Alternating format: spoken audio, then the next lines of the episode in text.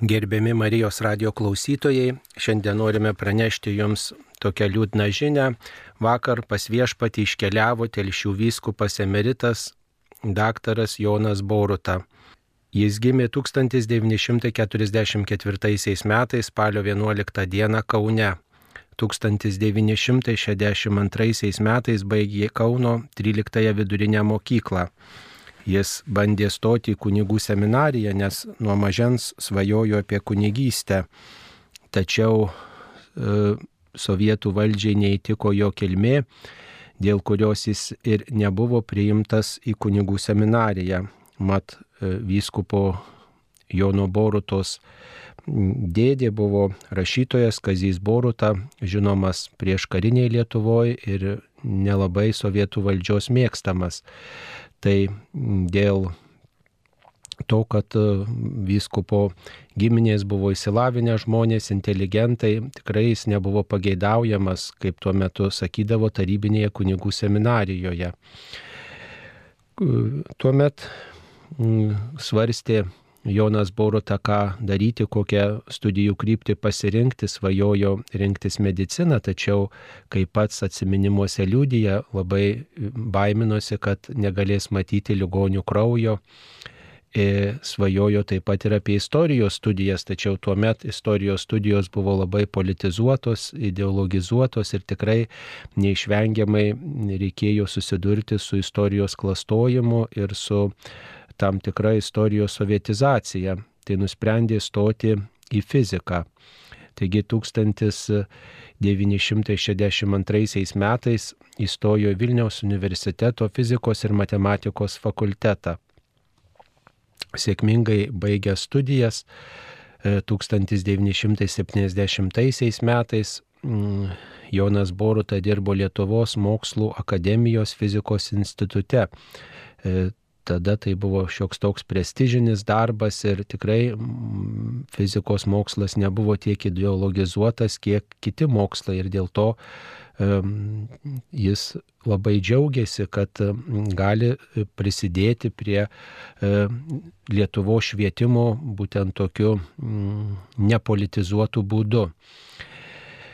E, jis pamažu domėjosi ir istorija, ir domėjosi taip pat ir bažnyčios istorija, jėzuitų istorija, buvo susipažinęs su kunigu iš Panevežio krašto Bronium Strasdu, e, kuris taip pat jį drąsino ir daugiau papasakojo apie tėvus jėzuitus, kurie tuomet veikė pogrindį ir supažindino su tėvu Pranciškumi Masiulioniu, kuris buvo didelis autoritetas tarp tikinčiųjų ir didžiulį įspūdį padarė tuomet ir Jonui Borutai. Ir e, štai 1970 metais e, pradėjęs dirbti fizikos institute, kaip tik tai pradėjo domėtis ir jezuitų vienuolyje jam darė įspūdį, kad jėzuitai siekė mokslo, kad jėzuitai steigė universitetus ir juose sėkmingai paštalavo, kad tikrai siekė e, ir e, mokslinę kalbą kalbėti apie tikėjimą. Ir tikrai, kad jie buvo tie žmonės, kurie labai daug skaito. Ir be ne dešimtį metų praleido tokiam, na, jezuitų draugijos tokiam E, susipažinime, e, būdamas tuo, kuris domisi ir nori stoti į jezuitų bendruomenę, tuomet veikusią pogrindyje. Kandidatas, jezuitų vienuolijos kandidatas buvo ir 1981 metais įstojo į pogrindyje veikusios Lietuvos jezuitų provincijos naujokyną būdamas jezuitų novicas, jis apgynė fizikos, matematikos mokslų kandidatų disertaciją 1982 metais. Ir tiesiog būdamas tuo žmogumi, kuris domisi dvasiniu gyvenimu, kuris ruošiasi tapti kunigu, kuris štai kunigystės kelią renkasi. Jis kartu buvo ir mokslininkas, Lietuvos fizikos mokslininkas, fizikos mokslų mokslininkas ir tikrai apie tai sužinojo, kad jis yra kunigas, taip pat ir tam tikros saugumo tarnybos, nes 1982 metais jis priėmė šventimus Skaisgirio parapijoje Joniškio rajone iš vyskupo iš vyskupo Julijono Steponavičiaus rūpiučio 5 dieną 1982 metais. E, tie šventimai, aišku, buvo suteikti slapta.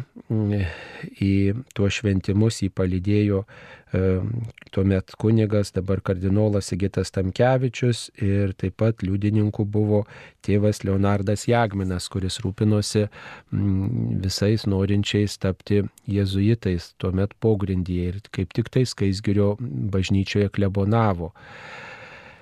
Ir žinoma, oficialiai dirbti kunigu negalėjo Jonas Boruta, tai tiesiog tais pačiais metais išvažiavo į Khmelnitskį, Ukrainos rytis ir patarnavo ten dirbusiam kunigui jezuitui Vytautui Merkiui. E, tačiau mm, saugumo tarnybos įsiaiškino, kad štai jam buvo suteikti šventimai ir jis darbuojasi Ukrainoje, tai turėjo iš ten grįžti, nes buvo gazdinamas, kad negalės atlikti jokios kunigiškos tarnybos. Ir Lietuvoje būdamas jis mm, bendravo su visais aktyvesniais kunigais ir pagarsėjo kaip rekolekcijų vedėjas. E, tiesa, jo primicijos taip pat buvo viduklėje pas e, kuniga Alfonsas Varinską, kuris tikrai globodavo visus valdžios kreudžiamus, nepriimamus, niekinamus e, kunigus arba tuos, kurie norėjo tapti kunigais. Ir tiesiog nieko negalėdamas padaryti, rasti darbo, įsidarbino valkininkuose pas kuniga Algimantą Keiną Zakristijonu, jau būdamas kunigu, tačiau vis tiek buvo vis kamuojamas sovietų valdžios ir kaltinamas, kad pasirinko būti pogrindžio kunigu ir tikrai gazdinamas, kad niekada negalės atlikti kunigo tarnybos oficialiai. E, tačiau e, jis nenusiminė ir būdamas tikrai mokslo žmogus, labai daug lavinosi, skaitė, mokėjo bent keletą užsienio kalbų, palaikė plačius ryšius su įvairiais dvasininkais, ugdė seminaristus, jezuitus ir vedė rekolekcijas oficialiai įvairiose Lietuvos parapijose, taip pat pogrindžio e, veiklą plėtojančioms vienuolėms. Įdomu tai, kad e, suėmus pirmąjį Lietuvos katalikų bažnyčios kronikos redaktorių kunigą Sigitą Tamkevičių, kuris taip pat buvo jezuitas, tuo metu ir dabar yra jezuitas, 1983 metais jis tapo Lietuvos katalikų bažnyčios kronikos e, redaktoriumi. Ir per jo tarnybą iki pat atgimimo laikų buvo parengtas ir išleistas 21 mm, leidinio numeris. 21 Lietuvos katalikų bažnyčios kronikos numeris.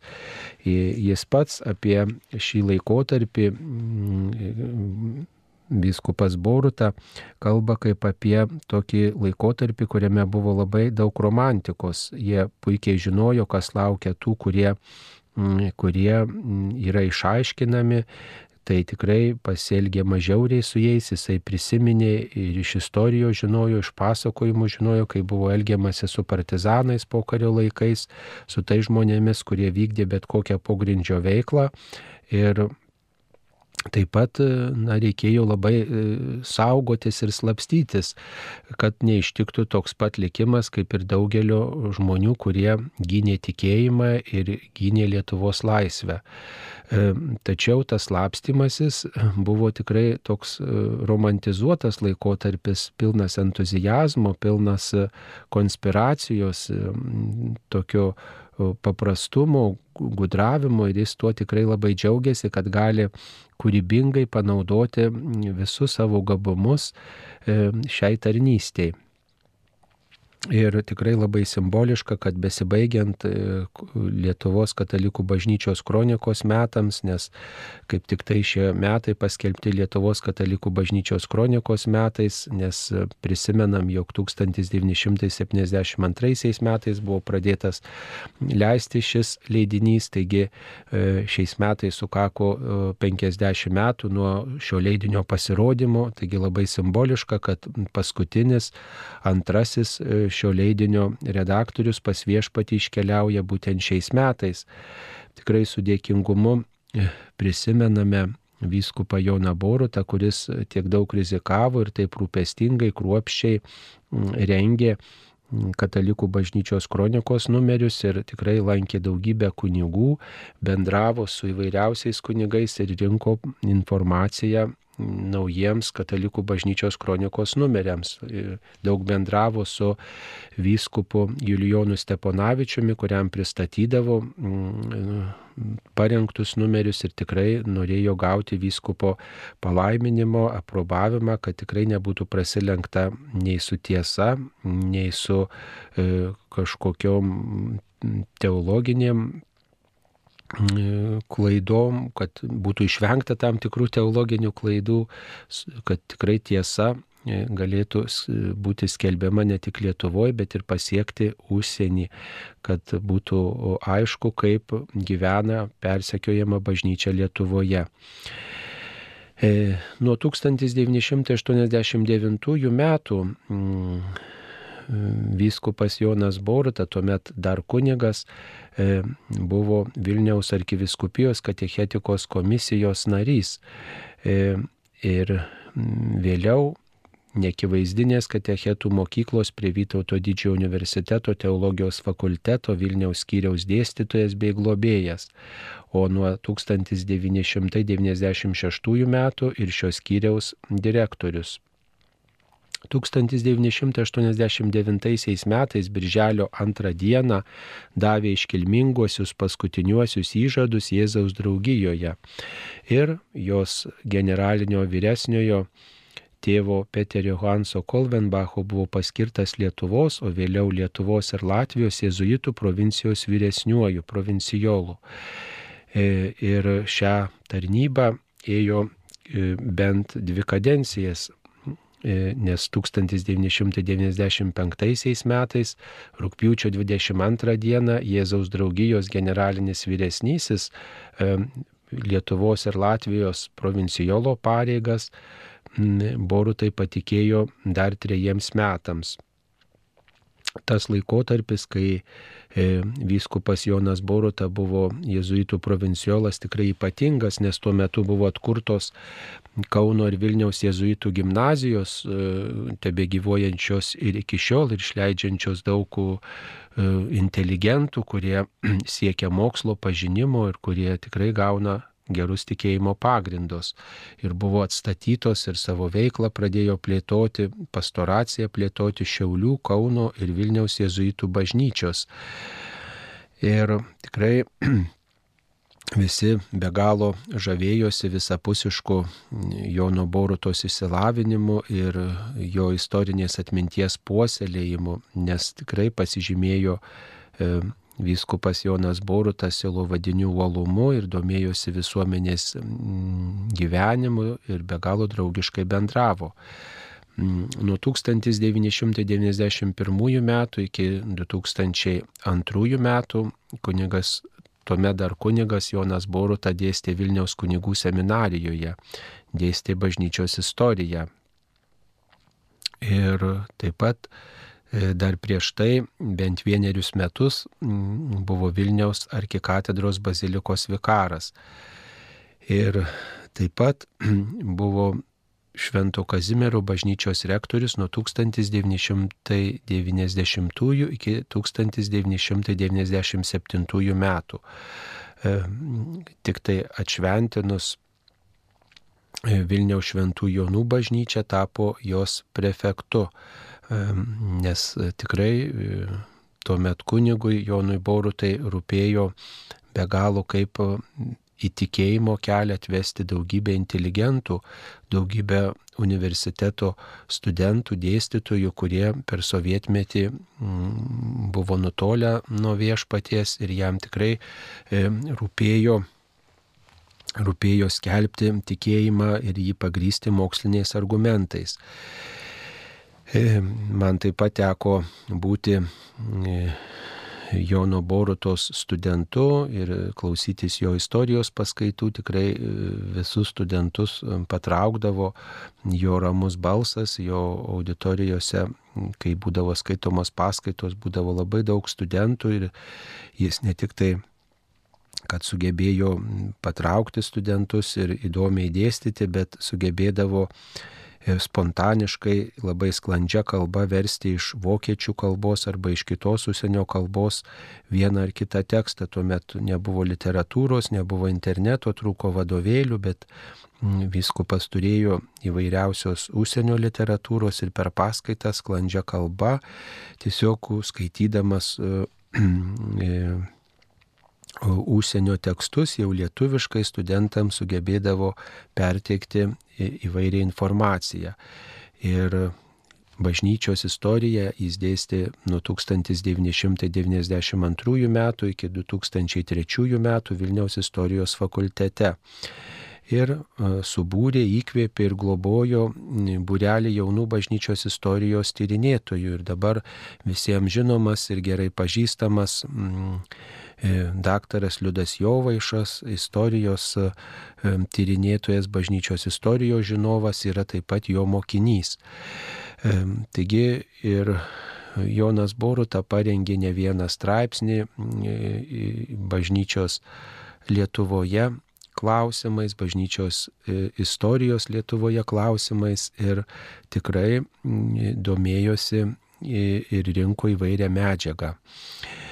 Jis buvo vienas iš pagrindinių Lietuvių katalikų mokslo akademijos atkūrimo Lietuvoje iniciatorių ir organizatorių bei tikrasis šios akademijos įkvėpėjas. Jis buvo ir centro valdybos vicepirmininkas, pirmininkas ir akademikas. 1997 metais, birželio 21 dieną, kunigas Jonas Boruta konsekruotas tituliniu Volturaros vyskupu ir paskirtas Vilniaus arkivyskupo auxiliaru. E, taigi darbavosi su dabar kardinolu Audriu Juozu Bačkiu. Nuo 1997 metų iki 2002 metų jis buvo Lietuvos viskupų konferencijos generalinis sekretorius, o 2000 Antraisiais metais sausio penktą dieną popiežius Jonas Paulius II Joną Borutą paskyrė telšių vyskupu. Ir tų pačių metų sausio 20 dieną įvyko istorinis vyskupo Jono Borutos ingresas į Telšių viskupijos katedrą. E, būdamas Telšių viskupijos vyskupu, jis tikrai rūpinosi žemaičių kalvariją ir įsteigė Žemaičių kalvarijos bazilikos koleginę kapitulą. Ir tikrai taip troško, kad į Žemaičių kalvariją vyktų ne tik Žemaičiai, bet ir visos Lietuvos piligrimai. Dėl to e, pasistengė ir rūpinosi, kad e, Žemaičių kalvarijos stebuklingas išvenčiausiosios mergelės Marijos paveikslas būtų vainikuotas popiežiaus karūno, popiežiaus pašventintomis karūnomis. Ir tai įvyko 2000. 2006 metais, spalio 8 dieną, e, kaip tik vyskupas Jonas Boruta atliko tą vainikavimą, nes popiežiaus e, karūnos, popiežiaus Benedikto XVI karūnos buvo pašventintos. Ir po keliarių metų Žemaičių kalvarijoje jau pradėti švesti e, švenčiausios mergelės Marijos šeimų karalienės atlaidai šventė Liepos antroji. Ir tai tikrai pasitarnauja šeimų pastoracijos e, puoselėjimui. Na, tai visus e, jo darbus įvertino ir Telšių rajono savivaldybė ir 2010 metais rūpiučio 30 dieną vyskupo Jonui Borutui sutilkė Telšių miesto garbės piliečio vardą. Ir tikrai būdamas telšių vyskupas, jis buvo ir Lietuvos vyskupų konferencijos liturginės komisijos pirmininku ir taip pat pirmininkavo Lietuvos vyskupų konferencijos ekumeninių reikalų tarybai. Ir dėl sveikatos 2017 metais vyskupas Jonas Boruta popiežiui Pranciškui įteikė prašymą atsistatydinti iš telšių vyskupo ordinaro pareigų. Nuo 2017 m. rugsėjo 18 dienos vyskupas Jonas Boruta, jis jau emeritas. Jis gyveno Vilniaus, vėliau Kauno jezuitų namuose, o nuo 2000 22 metų rudens persikėlė į Marijampolę švenčiausiosios mergelės Marijos globos namus. Lietuvos valstybė taip pat įvertino vyskupo Jono Borutos indėlį į pastoracinę veiklą, taigi 1992 metais vyskupas apdovanotas sausio 13-osios atminimo medaliu, 2000-aisiais Lietuvos nepriklausomybės medaliu ir taip pat Vyčio kryžiaus ordino komandoro didžiuoju kryžiumi. O pernai metais jis tapo taip pat ir Laisvės premijos laureatu. Kartu su kitais bendradarbiais parengė knygą arkivyskupas Teofilius Matuljonis laiškuose ir dokumentuose, e, parašė įvairiausių straipsnių katalikiškoje spaudoje ir taip pat paskelbė straipsnių iš atomo fizikos atominės spektroskopijos ir įvairių kitų sričių. Ir reikia mėlyms mūsų radio klausytojams pranešti, kad gruodžio 20 dienos popietę, tai yra šiandien, vėlionės bus pašarvotas Telšių katedroje, 18 val. už jį bus aukojamos šventosios mišios, po jų gėdami Žemaičių kalvarijos kalnai. Trečiadienį, gruodžio 21 dieną, 18 val. Telšių katedroje taip pat bus aukojamos gedulinės šventosios mišios ir gėdami žemaičių kalvarijos kalnai. Ketvirtadienį, gruodžio 22 dieną, vyskupo palaikai bus pervežti į žemaičių kalvarijos baziliką kur 17 val. bus aukojamos šventosios mišios, o po jų gėdami žemaičių kalvarijos kalnai. Laidotuvių mišios numatytos penktadienį, gruodžio 23 dieną 12 val. Žemaičių kalvarijos bazilikoje. Po šventųjų mišių vyskupas Jonas Boruta bus palaidotas Žemaičių kalvarijos kapinėse esančioje vienuolių kapavietėje. Dėkojam Dievui už šį tarną ištikimą bažnyčios vynogino darbininką, tegul viešpats priima jį į savo namus ir tegul būdamas tėvo namuose jis užtarė visus mus žemės keleivius. Netrukus, mėly Marijos radio klausytojai, turėsime galimybės prisiminti viskupą Joną Borutą ir pasiklausyti mm, jo žodžio, gyvo žodžio, kurį jis skelbė, minėdamas Žemaičių krikšto 600 metų jubiliejų istorinėje e, Žemaičių katedroje, medininkų katedroje, Varniuose ir tikrai pasiklausykime jo ramaus balso, kuris skatina ramybę, taiką ir susimastymą. Mėly broliai seserys, Žemaičių žemės krikščionys, tokie, kokie jūs šiandien prieš 600 metų ir būtent pradedant nuo čia, nuo varnių, tapo mūsų protėviai. Buvo pakrikštyti, tapo krikščionimis. Įsijungė į Dievo vaikų šeimą, krikščionių, katalikų bažnyčią. Ir taip per 600 metų tai, ką jie gavo iš kartos į karto, tas tikėjimas, tos malonės perduodamos iki mūsų laikų. Didžiulė, didžiulė grandinė mūsų pirmtakų. Ir tie, kurie pasiekė dangų, iškeliaudami jam žinybę, tikrai manome, kad viešpats leidžia jiems dvasiniu būdu dalyvauti šitose apieigose.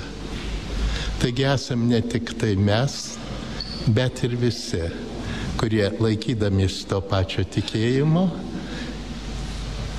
kaip ir jūs, kad laikotės, yra savo dvasia ir savo malda kartu su mumis, kai švenčiame šį jubiliejų. Žemaičių viskupijos įkūrimo 600 metų jubiliejus yra gera proga mūsų žmonėms pateikti krikščionybės bei bažnyčios sampratą apie dažnai kultūros istorijos minimus žodžius - krikštas, misijos, parapija, atlaidai. Šiais žodžiais įvardinami fenomenai susiformavo nuo širdaus krikščioniško tikėjimo persmeltose visuomenėse. Mūsų sekuliarios epochos žmonėms jau sunkiai suprantama religinė aplinka, kurioje įsiskleidė tai žodžiais įvardyjami reiškiniai. Verta prisiminti, ką apie parapijų fenomeną, žvelgdamas į praeitį bei mėgindamas uh, prognozuoti jų ateitį, yra kalbėjęs popiežius Benediktas XVI. Jau mūsų laikais. Jis taip kalba. Laiškas žydams, šventoje rašto, viena paštalo Pauliaus e, e, priskiriama e, knyga, laiškas, primena, kad šiame pasaulyje mes esame tik laikini keleiviai. To laiško ištrauka kalba apie Abraomą apsivilkusį kelionės rūbą, gyvenantį klajoklių palapinėje svetimame krašte. Abraomas deda, Abraomą deda tikėjimas. Jo tikslas pasiekti miestą, kaip jis tvirtais pamatais, kurios statytojas yra ne kas kita, o Dievas. Tas miestas yra ne šiame pasaulyje, bet danguje. Ten jis amžinai yra, o čia tik tai laikinas pavydalas. Šią tiesą puikiai suvokė jau pirmųjų amžių krikščionys, kurie save vadino svetimšaliai šiame pasaulyje, o savo bendruomenės svetimšalių kolonijomis. Iki mūsų dienų vartojama žodis parapija yra kilęs iš graikiško termino paroikoj, reiškiančio miestuose įsikūrusias svetimšalių kolonijas.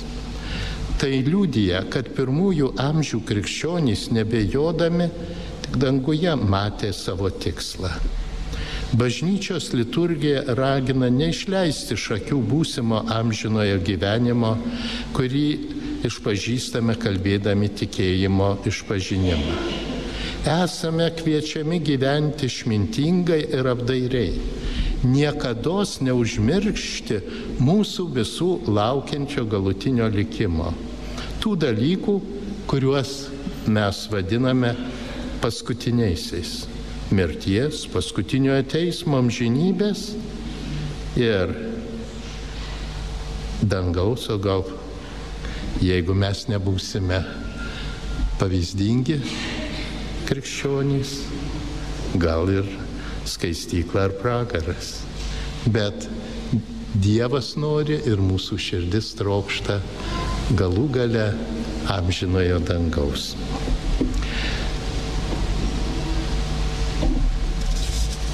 Tūkstantis 996 metais savo nuomonę apie visų e, krikščioniškų parapijų dabartį ir ateitį kalbėjo e, kardinolas Juozapas Ratzingeris, vėliau popiežius Benediktas XVI. Ir taip jis kalbėjo. Būti krikščioniu niekada negalima vienam. Būti krikščioniu visada reiškia būti kelionės draugijoje. Juk ir atsiskyrėlis priklauso kelionės draugijai ir yra jos remiamas. Todėl bažnyčiai turi rūpėti kelionės draugijų kūrimas. Europos ir Amerikos visuomenių kultūra šių draugijų nebekuria.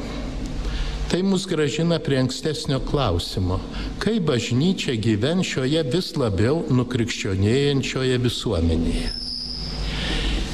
Vadinasi, jie turės kurti naujus kelionės draugijų būrius, būdus. Bendruomenės turės formuotis tvirčiau remdamos viena į kitą, gyvendamos tikėjimu, dalyvaudami nuo gimimo iki iškeliavimo į amžinybę e, kelionės gyvenimą. Vien visuomen, visuomenės aplinkos šiandien nebepakanka ar visuomenės papročių. Todėl kad, kad, kad gyventume krikščioniškos atmosferos e, apsupti. Todėl krikščionys iš tikrųjų turi remti vienas kitą. Jau esama kitoniškų formų įvairių sąjūdžių, su kurių pagalba kuriasi taip vadinamos kelionės draugijos. Būtina todėl atnaujinti katekumenatą, kuriame būtų mokama krikščionybės pagrindų, supažindinama su jais. Galima šlėtis prie vienuolinių bendruomenių, norint įgyti gilesnės krikščionybės patirties. Kitaip sakant, visuomeniai kaip visatui, nebesudarant krikščioniškos aplinkos, kokia, e, kokia, kokia gyvavo pirmus keturis, penkis amžius nuo bažnyčios istorijos pradžios. Bažnyčia šiandien pati nuolat turi kurti lasteles, kuriuose miniatūriniu pavydalu galima patirti ir praktiškai išgyventi didžiąją bažnyčios gyvenimo erdvę, paslapti galėtume pasakyti. Atsiremti bažnyčios vaikam vienam į kitą, palaikyti vienas kitą ir eiti kartu. Keliauti tikėjimo pripildytą kelionę. Benediktas XVI taip rašė. Mano įsitikinimu parapija ir toliau liks esminė krikščionių bendruomenės gyvenimo lastele. Tačiau visą dabartinę parapijų sistemą turinčią ne tiek jau daug metų, kažin ar pavyks išlaikyti tokią, kokia ji buvo prieš kelius šimtmečius, prieš kelius dešimtmečius. Reikės išmokti lankyti krikščionims vieni kitus ir tai bus jų dvasinio praturtėjimo pagrindas. Tas lankymas vieni kitų, e, dalinimasi savo patirtimi, savo džiaugsmais, savo skausmais, savo meilę Dievui, savo meilę e, savo šaliai, savo šeimai ir taip toliau. Kai beveik visada istorijoje šalia egzistuos kitokios grupės, telkiamos e, tam tikros charizmos, steigėjo asmenybės, noro žengti ypatingus, kažkuo išskirtiniu dvasiniu keliu. Tarp parapijos ir tokių sąjūdžių turi vykti vaisingi mainai. Tiem sąjūdžiam reikalingas ryšys su parapija, kad jos netaptų sekta, o parapijai reikalingi sąjūdžiai, kad ji nesustingtų. Jau dabar pasaulyje esame naujų dvasinių gyvenimo formų. Kas stebi, tas jau dabar gali pamatyti nuostabiausią įvairovę įvairių krikščioniško gyvenimo formų, kuriomis regimo pavydalu jau dabar tarp mūsų reiškiasi ne tik šiandienos, bet ir rydienos bažnyčia popiežiaus Benedikto XVI nuomonė parapija liks ir ateityje krikščioniško bendruomeninio gyvenimo esminė forma. Kaip ir buvo praeitįje, taip ir šiandien ir ateityje. Jei nėra parapijų, tai negalime kalbėti nei apie tautos, nei apie valstybės krikštą. Kol nebuvo įsteigta ne viena parapija, tai negalėjo būti ir sakyti, kad jau pakrikštytas tas kraštas, ta tauta. Nes seniai pa, įžengė iš amžių, minėjome pirmoje lietuvių tautos žmonių katecheto Šventojo Brunono Kverfurtiečio žūties ir liet kartu Lietuvos vardo tūkstantmetį. Nes tame kontekste pirmą kartą paminėtas ir vardas Lietuva. 1009 metais. 1009 metų negalime laikyti Lietuvos e, tiksliau e, lietuvių krikšto data, nes nėra žinių, kad Lietuvoje tuo metu būtų įkurtas parapijų tinklas. O normal, normalus krikščioniškas gyvenimas kleidžiasi viskupyje, kuris susideda iš tikinčiųjų sambūrių šeimų parapijų